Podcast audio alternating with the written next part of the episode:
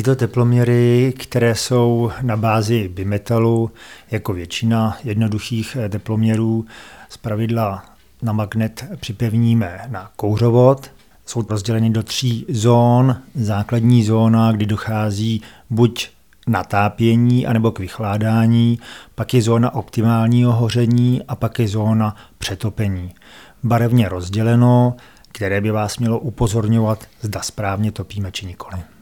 Mně se to líbilo, protože jsem zatopil a zjistil jsem, že topím správně, protože ta ružička v té bílé zóně byla zhruba na polovině.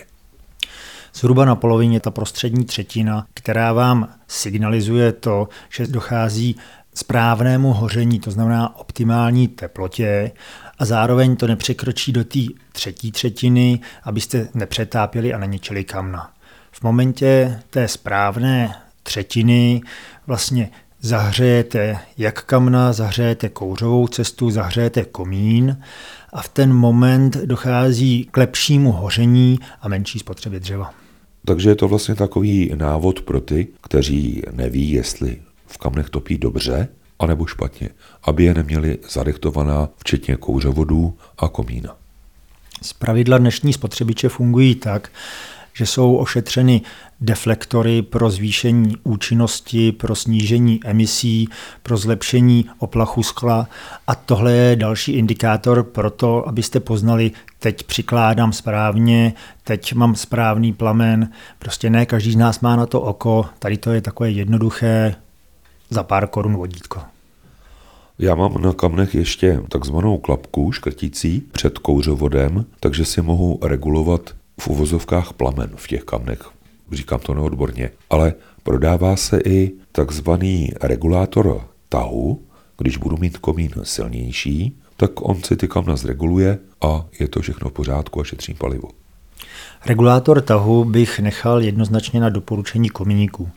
Teď se dostáváme, bych řekl, na pole těchto profesionálů a regulátor na základě změření tahu vám ho doporučí komíník a kde si vlastně sám ten komín eh, reguluje tak jako takový, protože rozsah tahového proudu komínu se může měnit na základě vnějších klimatických podmínek.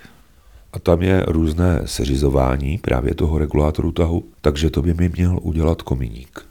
Přesně tak, jak jsem řekl, pouštíme se na pole profesionálů a tohle bych rozhodně nechal na profesionálech. Je to takzvané vyvážení té klapky, která by vám měla pracovat tak, aby ten komín měl optimální tah, aby nebyl ten tah poddimenzovaný, nebo naopak, aby vám to netahlo příliš. Takže když naši posluchači budou mít ještě na chalupách takzvaný komín průlezák, který má tak poměrně velký, tak je to možná takové malé řešení tohoto problému. Na rozdíl od investic do vyvložkování toho komína a dalších kominických prací. Zmínil jste přesně to. Ty průlezáky se dělaly dříve, v současné době ten spotřebič má určitě jiný tah a zvlášť v momentě, kdy ten průlezák je studený.